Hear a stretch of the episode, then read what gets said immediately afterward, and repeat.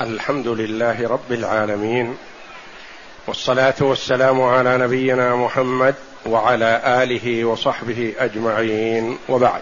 بسم الله. بسم الله الرحمن الرحيم. قال المؤلف رحمه الله تعالى الحديث السابع والخمسون بعد المئة. عن عبد الله بن عباس رضي الله عنهما قال بينما رجل واقف بعرفة إذ وقع عن راحلته فوقصته أو قال فأوقصته.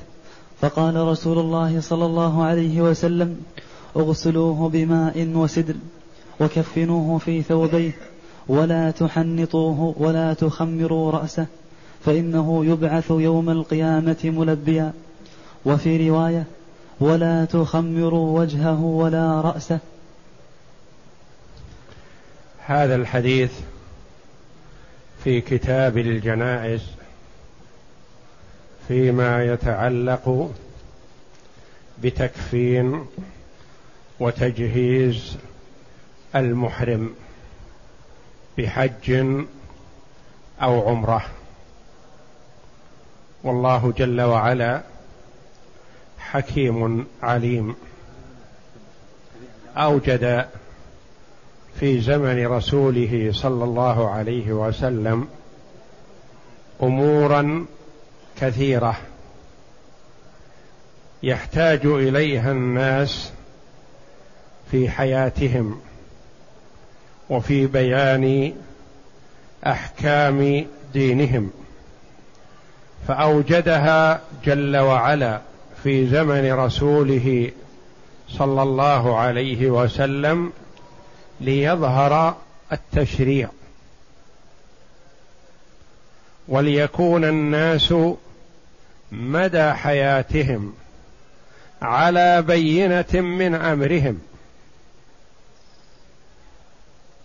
والله جل وعلا شرع هذا الدين وبين أحكامه وأوضحها وذهب صلى الله عليه وسلم ولحق بربه عليه الصلاة والسلام وقد تركنا على المحجة البيضاء ليلها كنهارها لا يزيغ عنها إلا هالك. فهي بينة واضحة. أحد الصحابة رضي الله عنهم أجمعين واقف بعرفة حاج محرم. يتضرع إلى الله جل وعلا في موقفه فسقط من راحلته. فانكسرت عنقه فمات في الحال.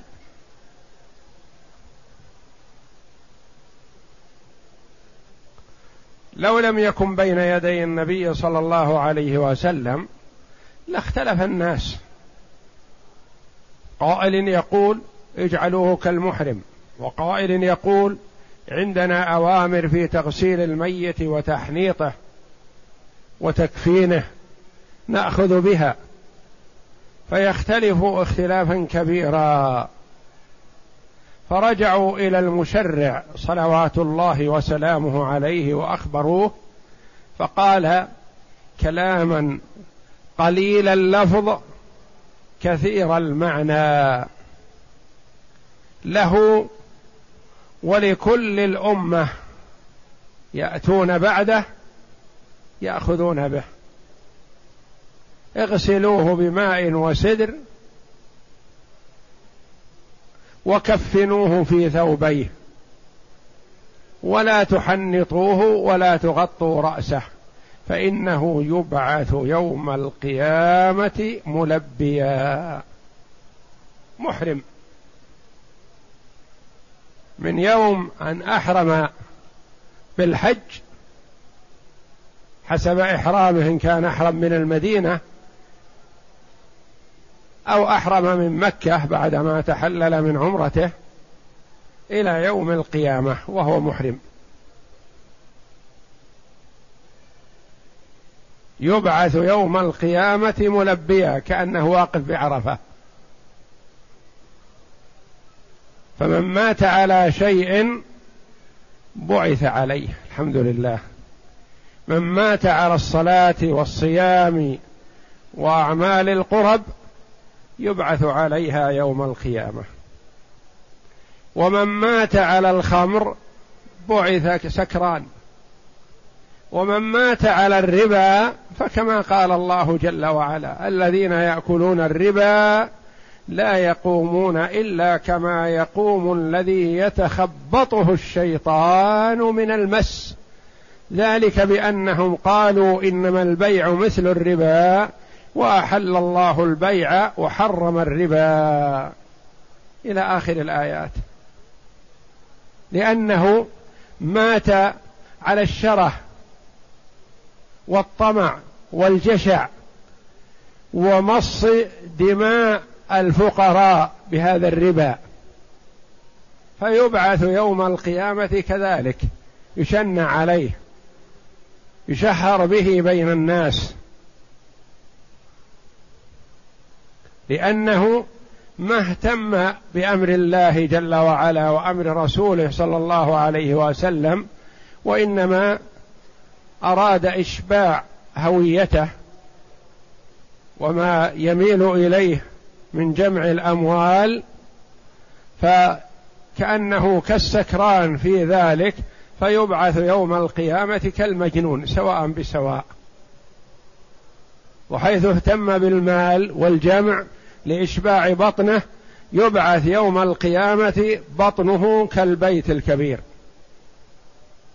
كل ما حاول أن يمشي سقط يرجح به بطنه يوقعه في الأرض. بطونهم كالبيوت العظيمة والعياذ بالله. والله جل وعلا يقول ومن يهاجر في سبيل الله يجد في الأرض مراغما كثيرا وسعة ومن يخرج من بيته مهاجرا إلى الله ورسوله ثم يدركه الموت فقد وقع أجره على الله. مات مهاجر أو مجاهد ومن مات في سبيل طلب العلم فهو في سبيل الله. يبعث كالمجاهد في سبيل الله. والذي يموت شهيدا في سبيل الله يبعث والدم يثغب يسيل بغزارة. اللون لون الدم والريح ريح المسك. اظهارا لفضله وشرفه عند الله جل وعلا وتمييزا له عن الآخرين. فكل بحسب ما يميل إليه والمرء حيث يضع نفسه.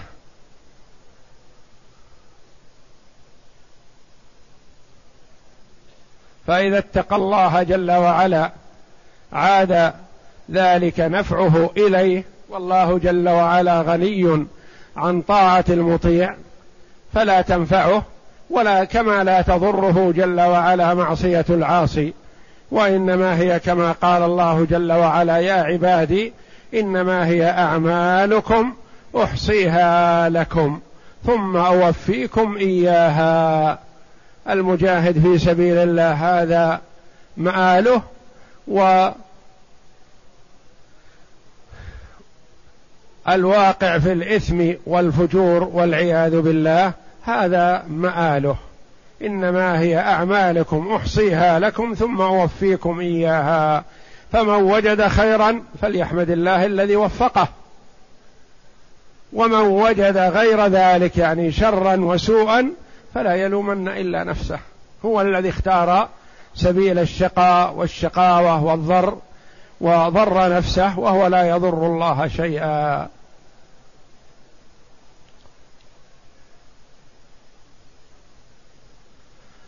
فقال صلى الله عليه وسلم يقول عبد الله بن عباس حبر هذه الأمة وترجمان القرآن وابن عم النبي صلى الله عليه وسلم الذي دعا له النبي صلى الله عليه وسلم بقوله اللهم فقهه في الدين وعلمه التأويل فكان آية في تفسير كتاب الله جل وعلا والاستنباط منه. وهو حينما مات النبي صلى الله عليه وسلم وهو قد ناهز الاحتلام. لم يكن بلغ خمس عشرة سنة حولها. يقول بينما رجل واقف بعرفة واقف فأخذ من قوله واقف أن المرأة يسمى واقف وإن كان راكب. أو جالس. يقال الناس وقوف بعرفة.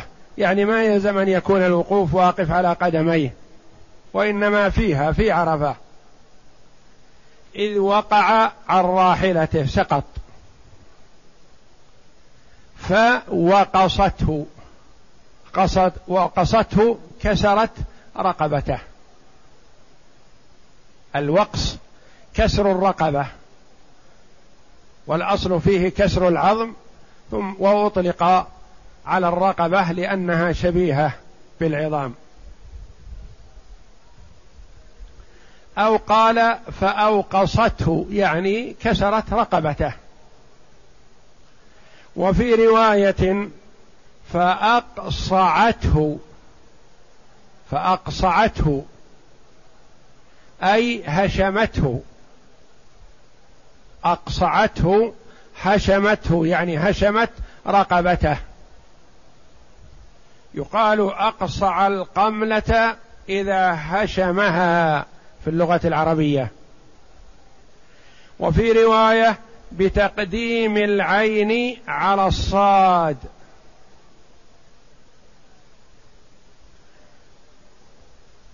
فأقعصته. والقص والقعص. قاف يليها عين يليها صاد. والقعص القتل في الحال يعني حصل له شيء مات في الحال. ما مرض ونقل من مكان إلى مكان وإنما سقط ومات في الحال. والقعص القتل في الحال ومنه قعاص الغنم أو قعاص الغنم يعني موتها. مرض يأخذ بالغنم فتموت في الحال بسرعة وهي كانت ترعى سليمة. فتصاب بهذا القعص الذي هو المرض الخاص فتموت في الحال. كذلك هذا الرجل كان سليما معافى ما كان يحس بشيء فسقط فانكسرت رقبته فمات في الحال. فقال رسول الله صلى الله عليه وسلم اغسلوه بماء وسدر. اغسلوه. دليل على أن الميت يغسل سواء كان محرما أو حلالا. كذلك دل هذا على أن المحرم الحي يغتسل. خلافا لما يظنه بعض الناس أن المحرم لا يغتسل لأنه إذا اغتسل حرك شعره. فإذا حرك شعره ربما تقطع منه شيء. لا كل هذا لا يلتفت له.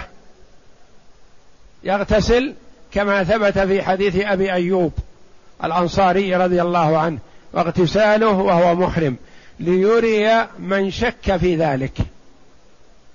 فيغتسل ويخلل الماء بأصابعه في شعره ولا ضرر. لا يضر تخليل الماء تخليل الشعر بالأصابع. لا يقال إنه يقطع الشعر لا. المنهي عن أخذ شيء من الشعر تعمد. لا تجزه ولا تقصر منه ولا تحلقه وأنت محرم.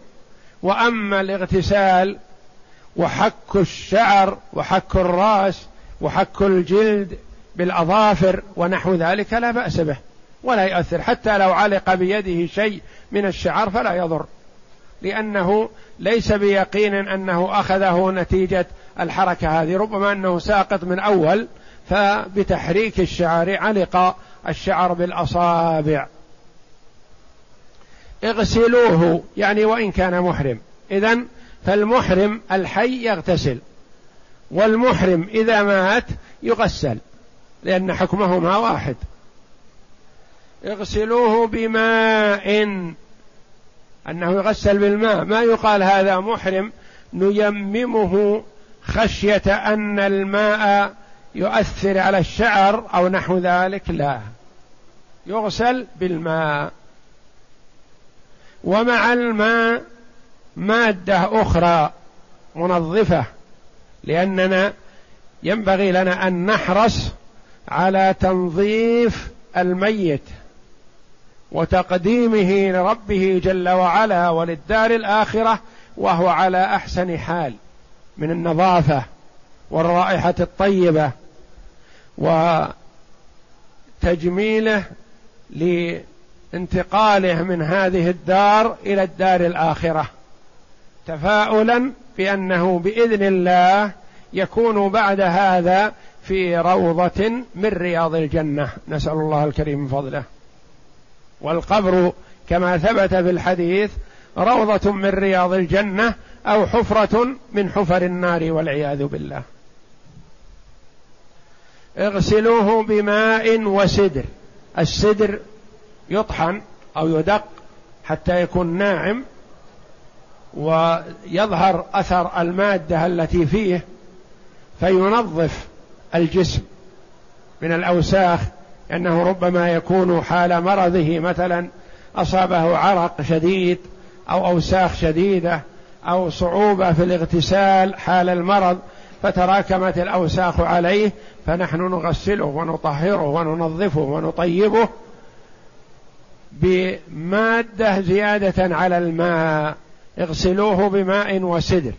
ودل على أن الشيء الطاهر إذا خالط الماء فإنه لا يسلبه الطهورية يبقى طهور. ويجوز أن يكون مثلا يرطب بالماء ثم يذر عليه السدر ويدلك باليد ثم يصب عليه الماء حتى يذهب السدر وأثر الوسخ الذي عليه. اغسلوه بماء وسدر وكفنوه في ثوبيه. لا تبدلوا أثوابه لأن هذه أثواب طاعة وعبادة يحبها الله جل وعلا. فنحن نقدمه لمولاه بثياب العبادة والطاعة. كفنوه في ثوبيه كما تقدم في تكفين الشهيد بثيابه التي عليها الدم ولا يقال هذا الدم نجس. هذا الدم في الدنيا نجس لكن عند الله جل وعلا أطيب من ريح المسك. له قيمة.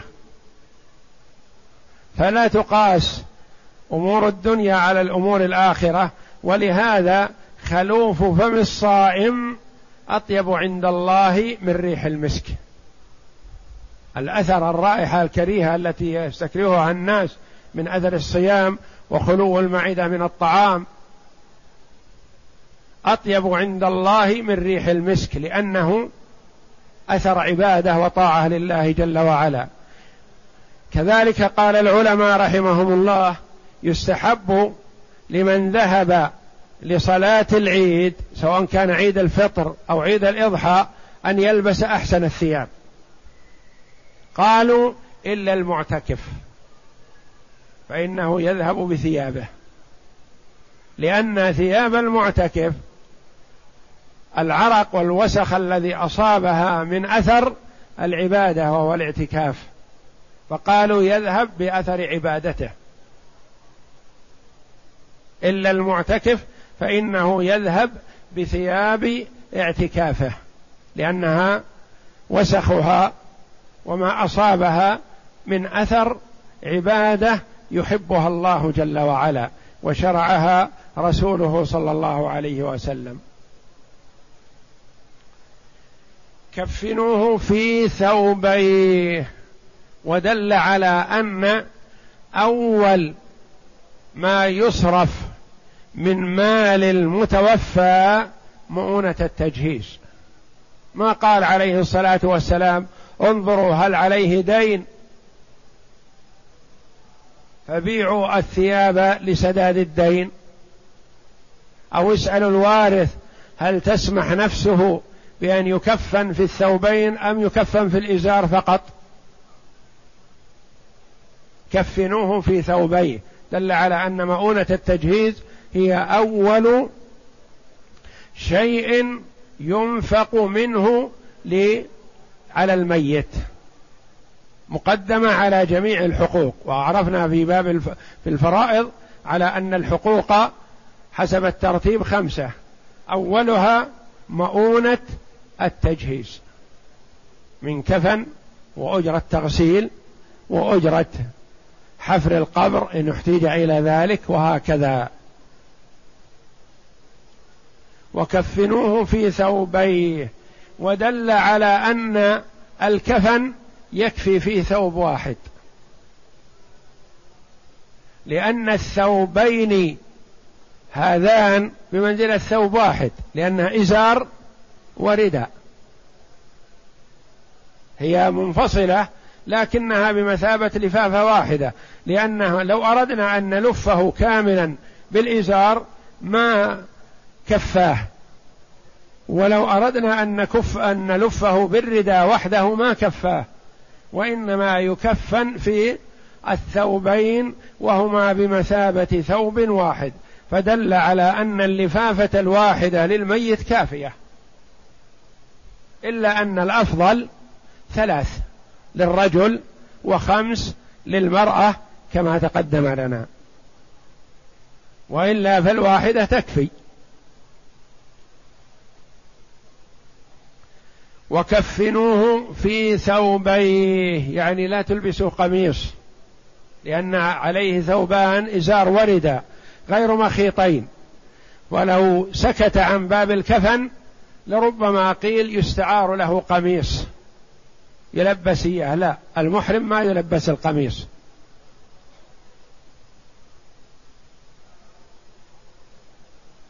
ولا تحنطوه.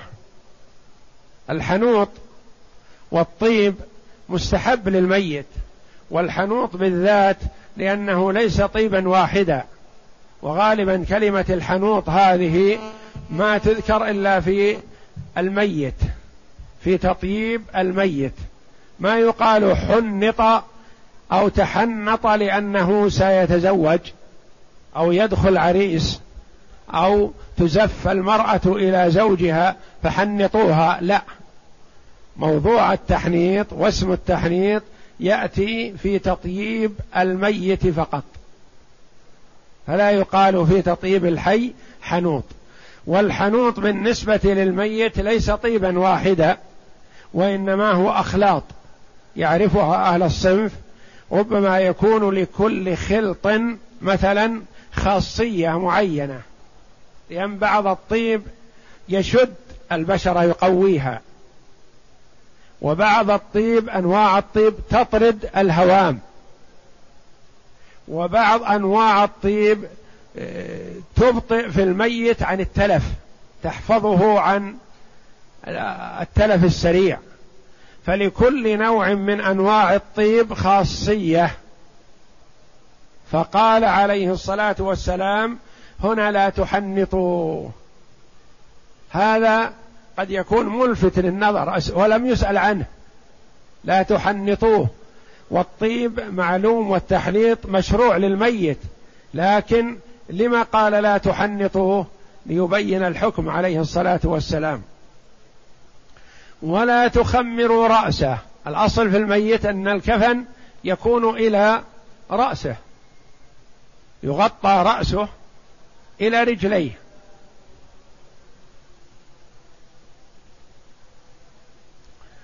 فكان في شح في زمن الصحابة في الكفن فلم يوجد للصحابي مثلا إلا كفن قصير. إن غطي رأسه خرجت رجلاه وإن غطيت رجلاه خرج رأسه. فقال النبي صلى الله عليه وسلم غطوا رأسه واجعلوا على رجليه الإذخر. يعني غطوها بالإذخر. نوع من أنواع الحشيش موجود في مكة. فدل هذا على انه يشرع تغطية رأس الميت في التكفين. هنا قال ولا تخمروا رأسه والتخمير هو التغطية. يقال خمرت الإناء بمعنى غطيته. ويقال لبست المرأة الخمار الذي تغطي به وجهها. الخمار. ولا تخمروا رأسا.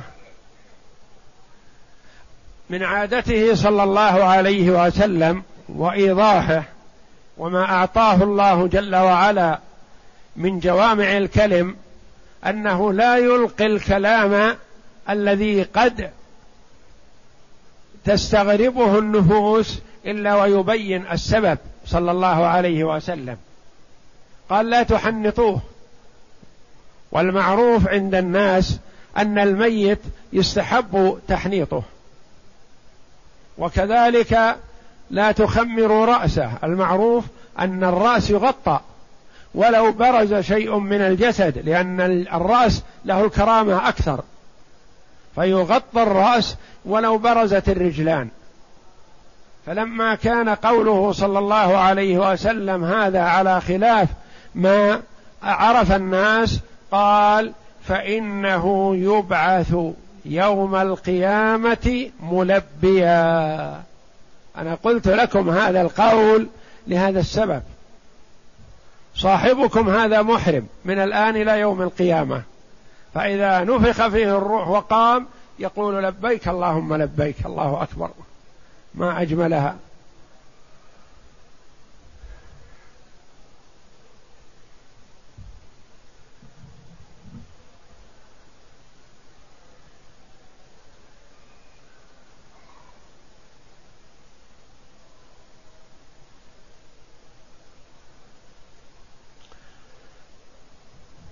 وفي رواية ولا تخمروا وجهه ولا رأسه. الوجه يغطى لكنه صلى الله عليه وسلم في هذه الرواية في رواية مسلم نهى عن تغطية الوجه لأن تغطية الوجه قد يترتب عليها ولا بد من تغطية الرأس. لأن الوجه إذا غطي يكون الغطاء من أسفل إلى أعلى فيأخذ جزءا كبيرا من الرأس. فقال لا تخمروا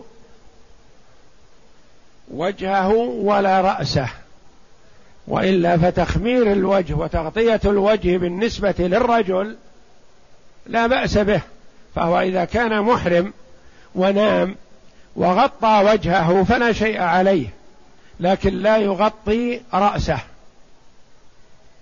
فتغطية الوجه هنا نهي عنها لأجل ألا يأخذ الغطاء شيئا من الرأس.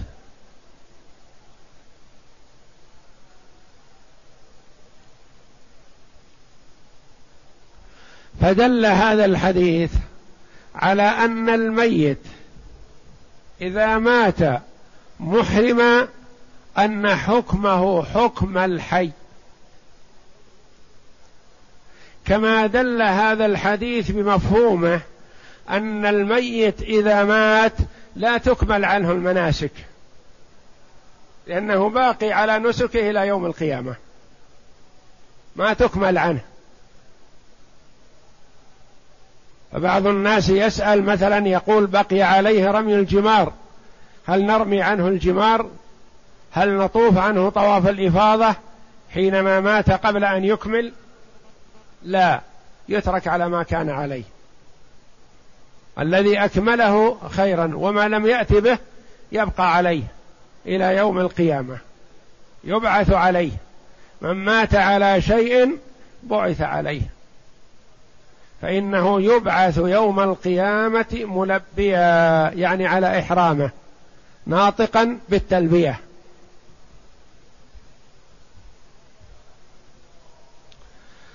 فهذا بيان منه صلى الله عليه وسلم لأحكام الأموات في حال الإحرام.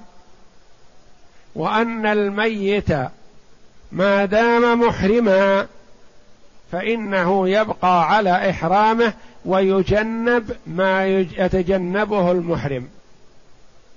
فلا يلبس مخيطا ولا يغطى رأسه ولا يمس طيبا وإنما يبقى على حاله كأنه محرم.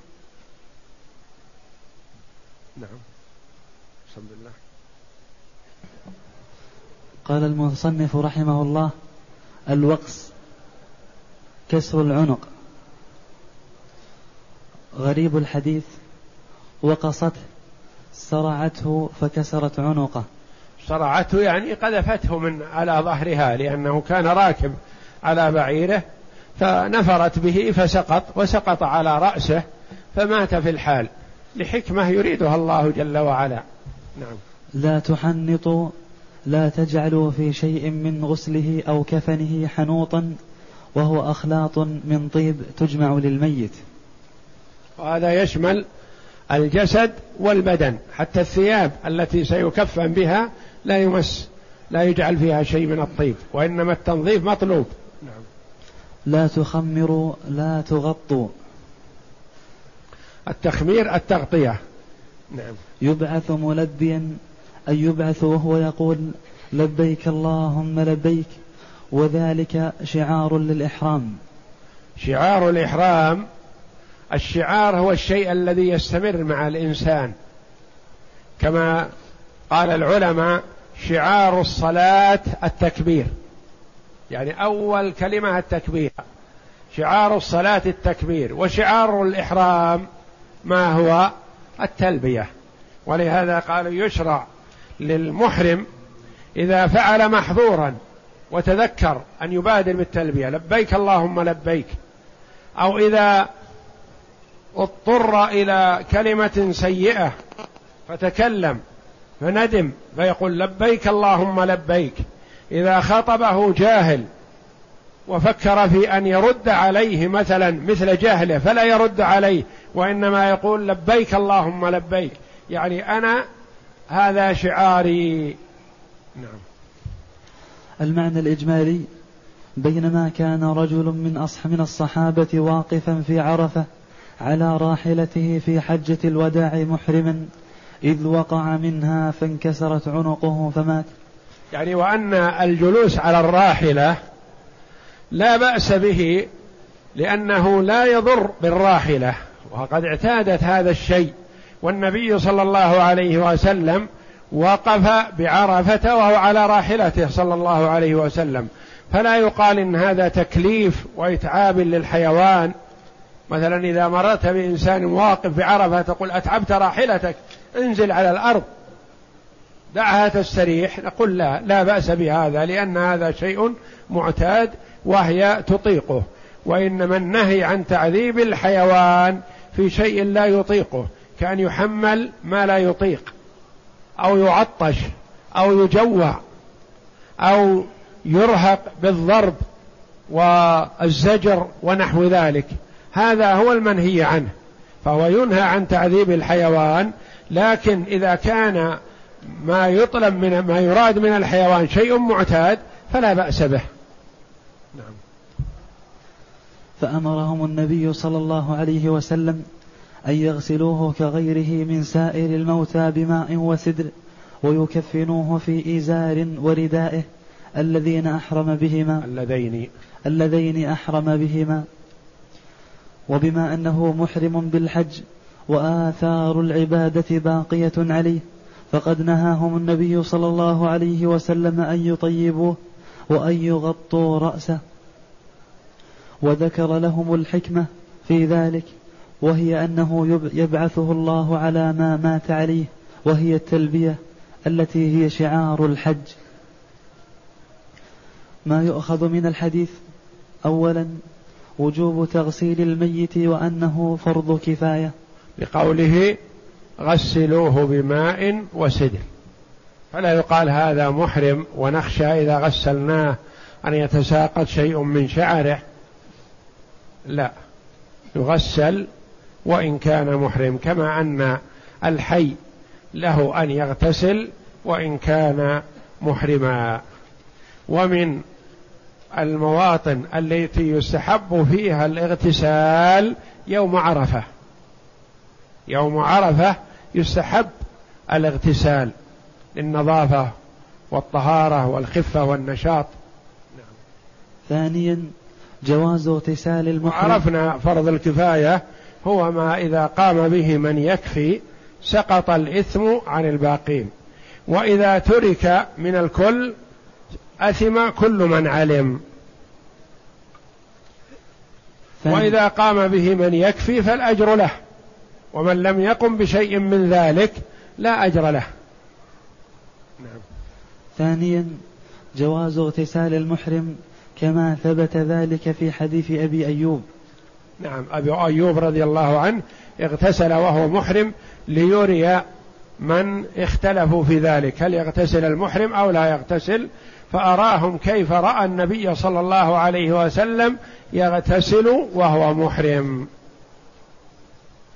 ولما قيل لعمر رضي الله عنه إن الاغتسال مثلا قد يزيل الشعث فقال إن الاغتسال لا يزيد الشعر إلا شعثا وإنما الذي يزيل الشعث هو الدهن والزيت ونحوه.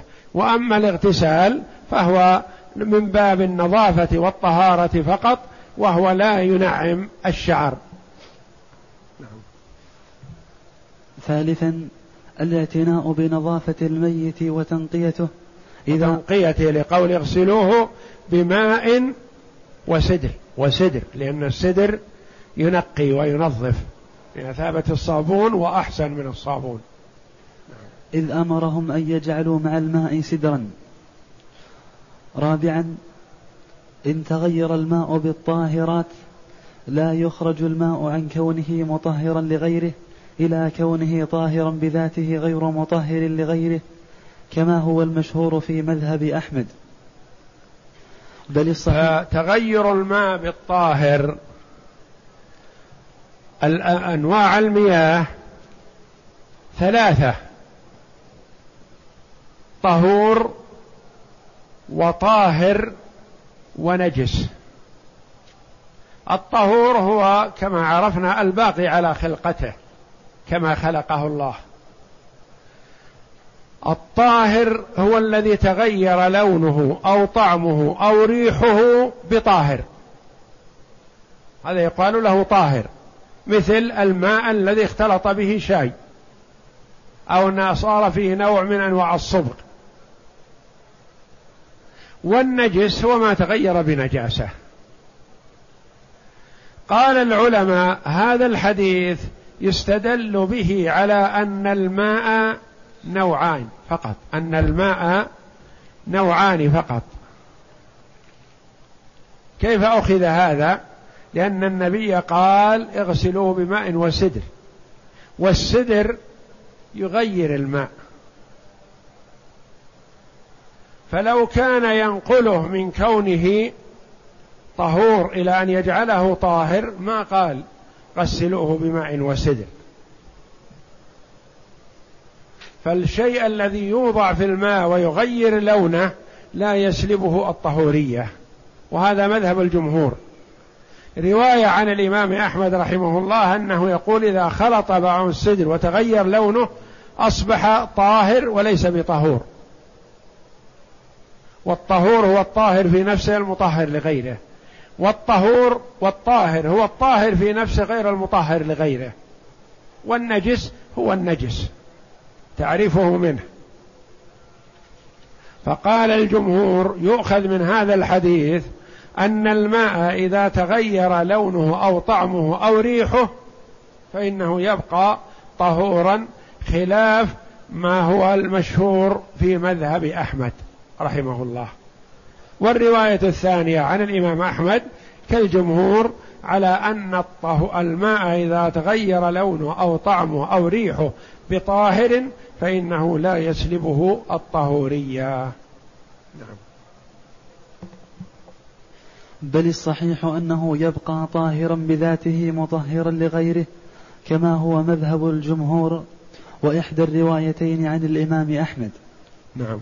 يعني الرواية الأولى اللي مشهورة عن الإمام أحمد أنه المخالط للماء مغير لونه أو ريحه أو طعمه يسلبه الطهورية يسلبه. والرواية الثانية لا يسلبه الطهورية يعني يبقى طهور. خامسا والرواية الأولى هي المشهورة في المذهب أن الماء كما أخذنا في الزاد أن الماء ثلاثة أنواع طهور وطاهر ونجس.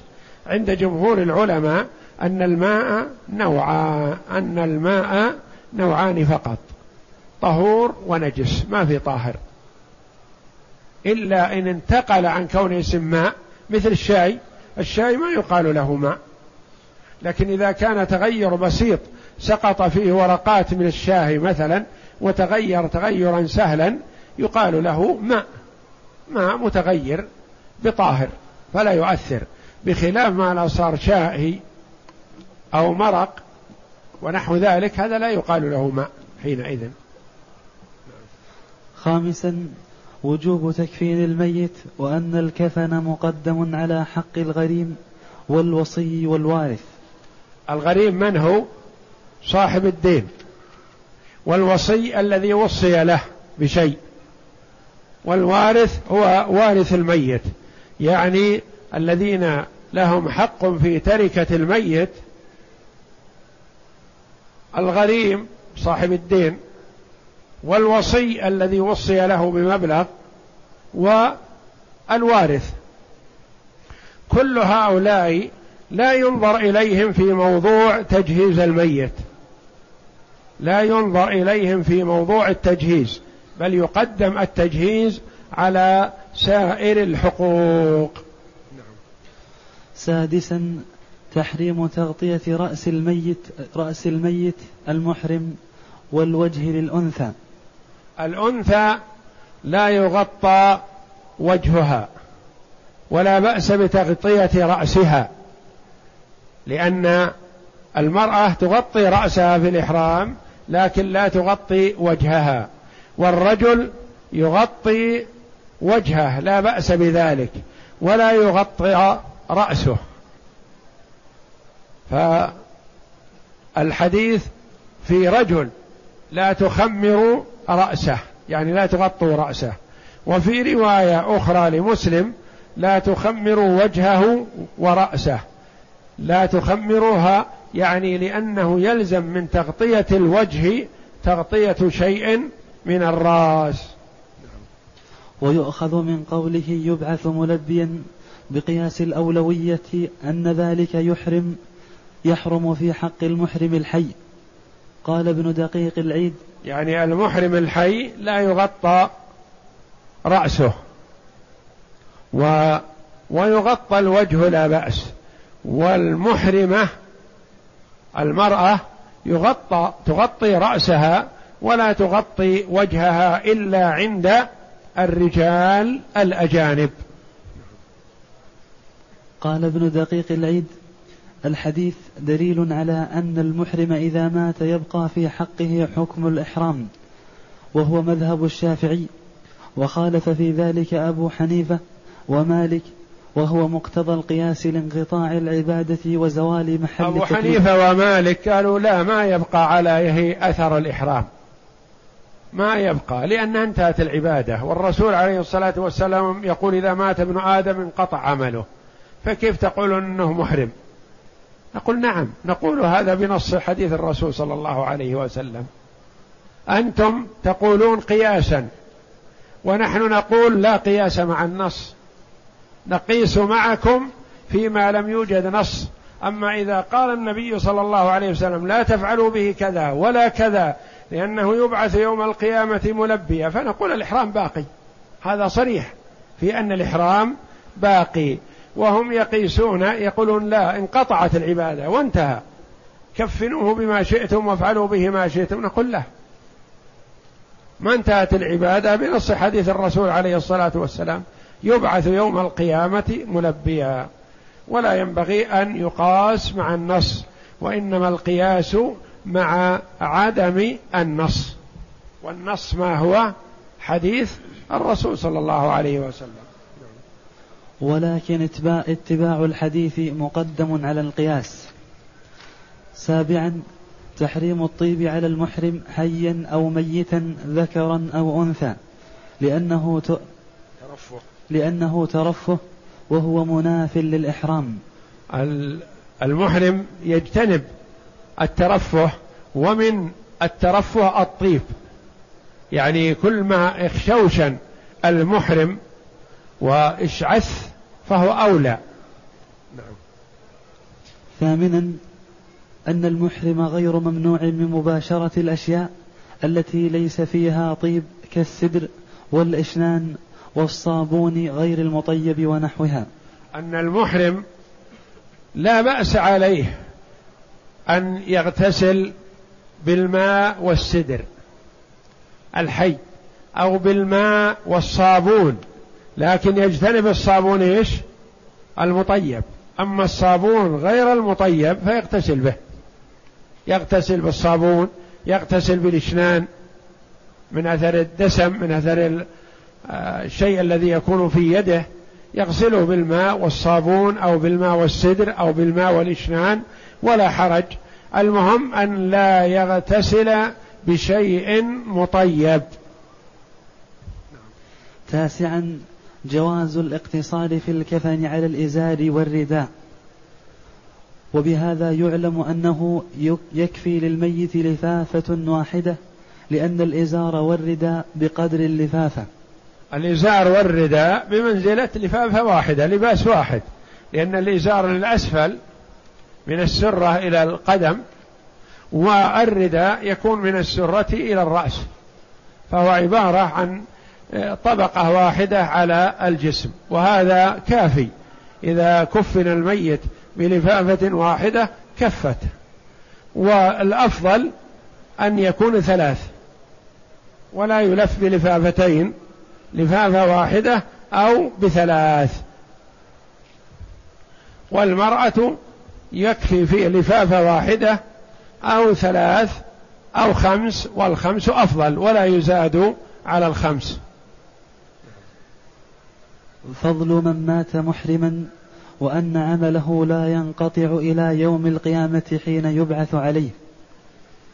فضل من مات محرما لأنه يبعث يوم القيامة ملبيا. هذه فضيلة عظيمة لمن وفقه الله جل وعلا للقبول فمات حال إحرامه أو مات حال خروجه للجهاد في سبيل الله أو مات حال خروجه لطلب العلم من خرج في طلب العلم فمات فهو في سبيل الله.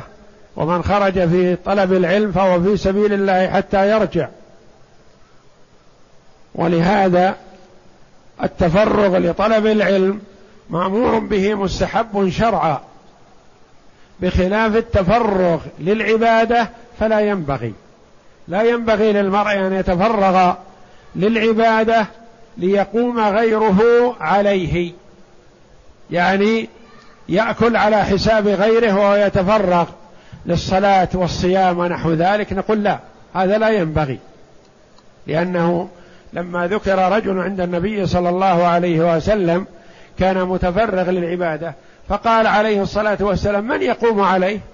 من يتولى الإنفاق عليه؟ قالوا أخوه. قال أخوه خير منه. أفضل. بخلاف التبرغ لطلب العلم فهو مطلوب ومستحب لأن طلب العلم يتعدى نفعه. طالب العلم إذا تمكن من العلم انتفع به كل من حوله. بخلاف المقتصر على العبادة فعبادته لنفسه لا يدرى عنه. صائم أو مفطر. ربما إنه إذا صار صائم صار كلا على غيره. يتعب يتولى غيره أموره.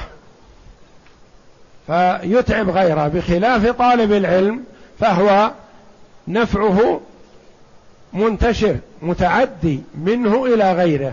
ولهذا قال العلماء رحمهم الله لا ينبغي أن يعطى من الزكاة من تفرغ للعبادة. ويعطى من الزكاة من تفرغ لطلب العلم. إذا وجدنا شخصا في المسجد نسأله. متفرغ للعبادة لا نعطيه من الزكاة. نقول اخرج. اخرج واشتغل واكتسب واطلب الرزق من الله. وطلبك الرزق من الله جل وعلا عبادة. اخرج. إذا قال متفرغ لطلب العلم نعطيه من الزكاة لأن نحب أن يحصل من العلم لينفع في المستقبل بإذن الله. الحادي عشر أن من شرع في عمل صالح من طلب علم أو جهاد أو غيرهما ومن نيته أن يكمله فمات قبل ذلك بلغت نيته الطيبة وجرى عليه ثمراته إلى يوم القيامة. أي عمل صالح يعمله العبد ابتغاء مرضات الله جل وعلا فإن الله جل وعلا يثيبه عليه. وإذا كان ينوي الاستمرار في طلب العلم فيجرى له ذلك وإن مات. إذا كان ينوي شيئا حسنا فالنية الطيبة تبلغ مبلغ العمل وأكثر بإذن الله. كما ورد في الحديث من سأل الله الشهادة خالصا من قلبه بلغه الله منازل الشهداء وإن مات على فراشه. يسأل الله الشهادة في سبيله صادقا موقنا بأنه إن تيسر له فإنه سيجاهد في سبيل الله. فمات على فراشه الله جل وعلا يعطيه حسب نيته. يبلغه منازل الشهداء وإن مات على فراشه. والله أعلم وصلى الله وسلم وبارك على عبد ورسول نبينا محمد وعلى آله وصحبه أجمعين.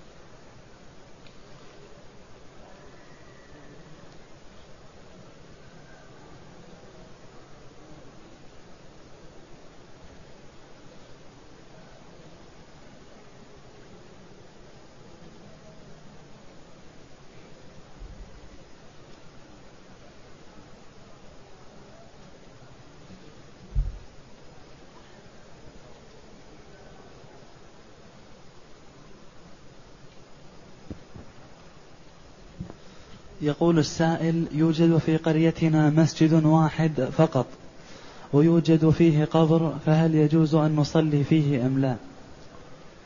هذا المسجد الذي فيه قبر لا يخلو. إن كان القبر قديم والمسجد بني عليه فلا تصح الصلاة في هذا المسجد لأنه بني على القبر. وأما إذا كان هذا المسجد قديم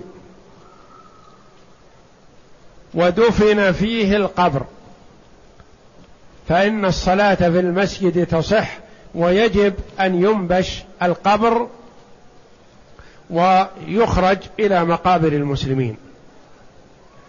ثم إنه إن جهل الحال فالأولى للناس أن يتعاونوا فيما بينهم ولا يصلوا في مسجد فيه قبر بل يسعوا في إيجاد مسجد خال من القبر. وإن كان إمامه مصمم على أنه يصلي في هذا المسجد ويستمر فيتركوه وإياه وليسوا تبعا له. لأن بعض الناس تعلق بالخرافة وتعلق بالشرك واشرأبت نفسه لذلك. فلا يريد أن يفارق هذا المسجد من أجل هذا القبر والعياذ بالله فهذا شرك. لأنه فضل المسجد الذي فيه القبر لما فيه من القبر. فكأن القبر عنده أفضل من المسجد فهو تعلق بالمسجد من هذا من أجل القبر. وينبغي للمسلم أن يكون له رأي وأن يعمل بالأصلح وأن يسعى بهذا وأن يكلم إخوانه المسلمين في ذلك ولا يسكت ولا يحتقر نفسه يقول لن يسمعوا مني أو لن يقبلوا. تكلم شخصا ثم آخر ثم ثالث وهكذا حتى توجد الفكرة بين إخوانك المسلمين عموما فيسعوا في الخلاص من القبر بإخراجه مثلا إلى مقابر المسلمين أو ببناء مسجد آخر سليم لا قبر فيه ولا يسكت المرء.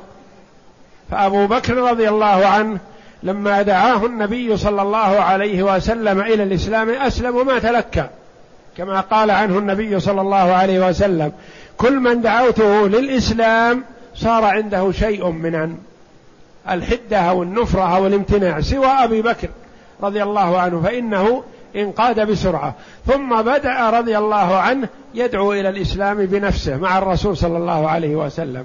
فكثير من الصحابة وخاصة من العشرة المبشرين بالجنة أسلموا على يد أبي بكر الصديق رضي الله عنه. والمرء لا يحقر نفسه أو يقول مثلا ماذا أعمل أنا وحدي في القرية أو في البلد ونحو ذلك. لا يا أخي تخاطب هذا ثم تخاطب هذا ثم هذا يخاطب آخرين وهكذا تتعاونوا حتى تقيموا قريتكم ومسجدكم على كتاب الله وسنة رسوله صلى الله عليه وسلم. فلك بهذا أجر ولكل وأجر من جاء بعدك وصلى في هذا المسجد خاليا من القبر من غير أن ينقص من أجورهم شيء. فمن دعا إلى سنة كان له أجرها وأجر من عمل بها إلى يوم القيامة من غير أن ينقص من أجورهم شيء. والعكس والعياذ بالله كذلك.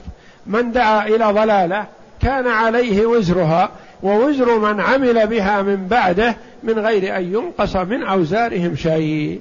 فليكن المسلم عنده نية واحتساب واجتهاد في الطاعة ورغبة في الخير ودعوة إليه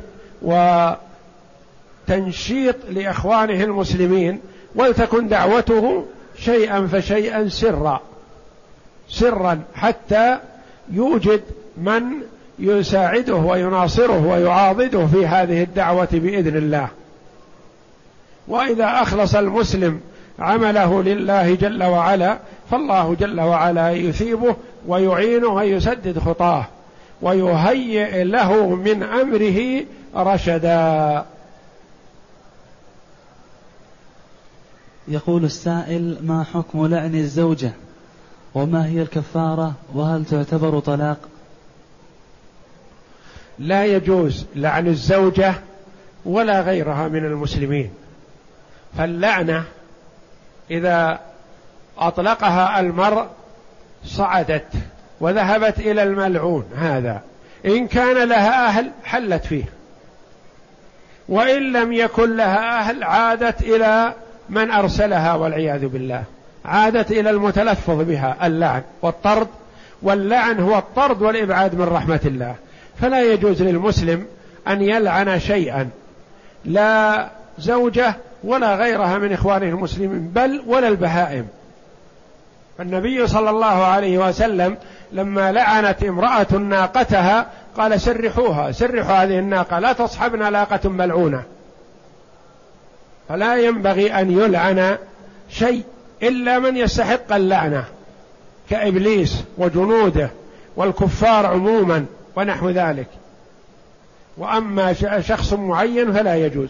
ثم إذا صدرت من المرء هذه فيجب عليه أن يبادر بالتوبة والاستغفار والاستحلال من هذا ولا تعتبر طلاق بالنسبة للزوجة لأن عند بعض العوام أن الرجل إذا لعن زوجته فهي بمثابة الطلاق.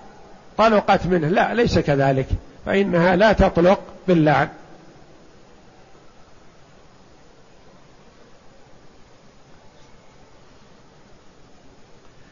تقول هذه السائلة لما انتهت من أعمال العمرة نسيت قص الشعر. نقول إن كان الوقت قريب ولم يجامعها زوجها فعليها أن تقصر الآن ولا شيء عليها. وإن كان قد مضى وقت طويل أو أتت بمحظور من محظورات الإحرام كالجماع الذي لا يسق لا يعفى عنه بالجهل والنسيان فعليها حينئذ هدي عن ترك التقصير. شاة تذبح في مكة لفقراء الحرم فإن لم تستطع الشاة صامت عشرة أيام. هل يجوز رفع الرأس إلى السماء عند الدعاء في غير الصلاة؟ نعم لا بأس بذلك. لا بأس بذلك. أما في الصلاة فلا. لا يجوز أن يرفع المرء رأسه إلى السماء في الصلاة.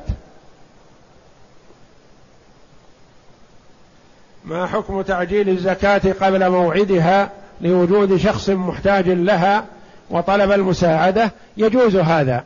يجوز للإنسان أن يبدأ في توزيع زكاته قبل وقت محلها. والله أعلم. وصلى الله وسلم وبارك على عبد ورسول نبينا محمد وعلى آله وصحبه أجمعين.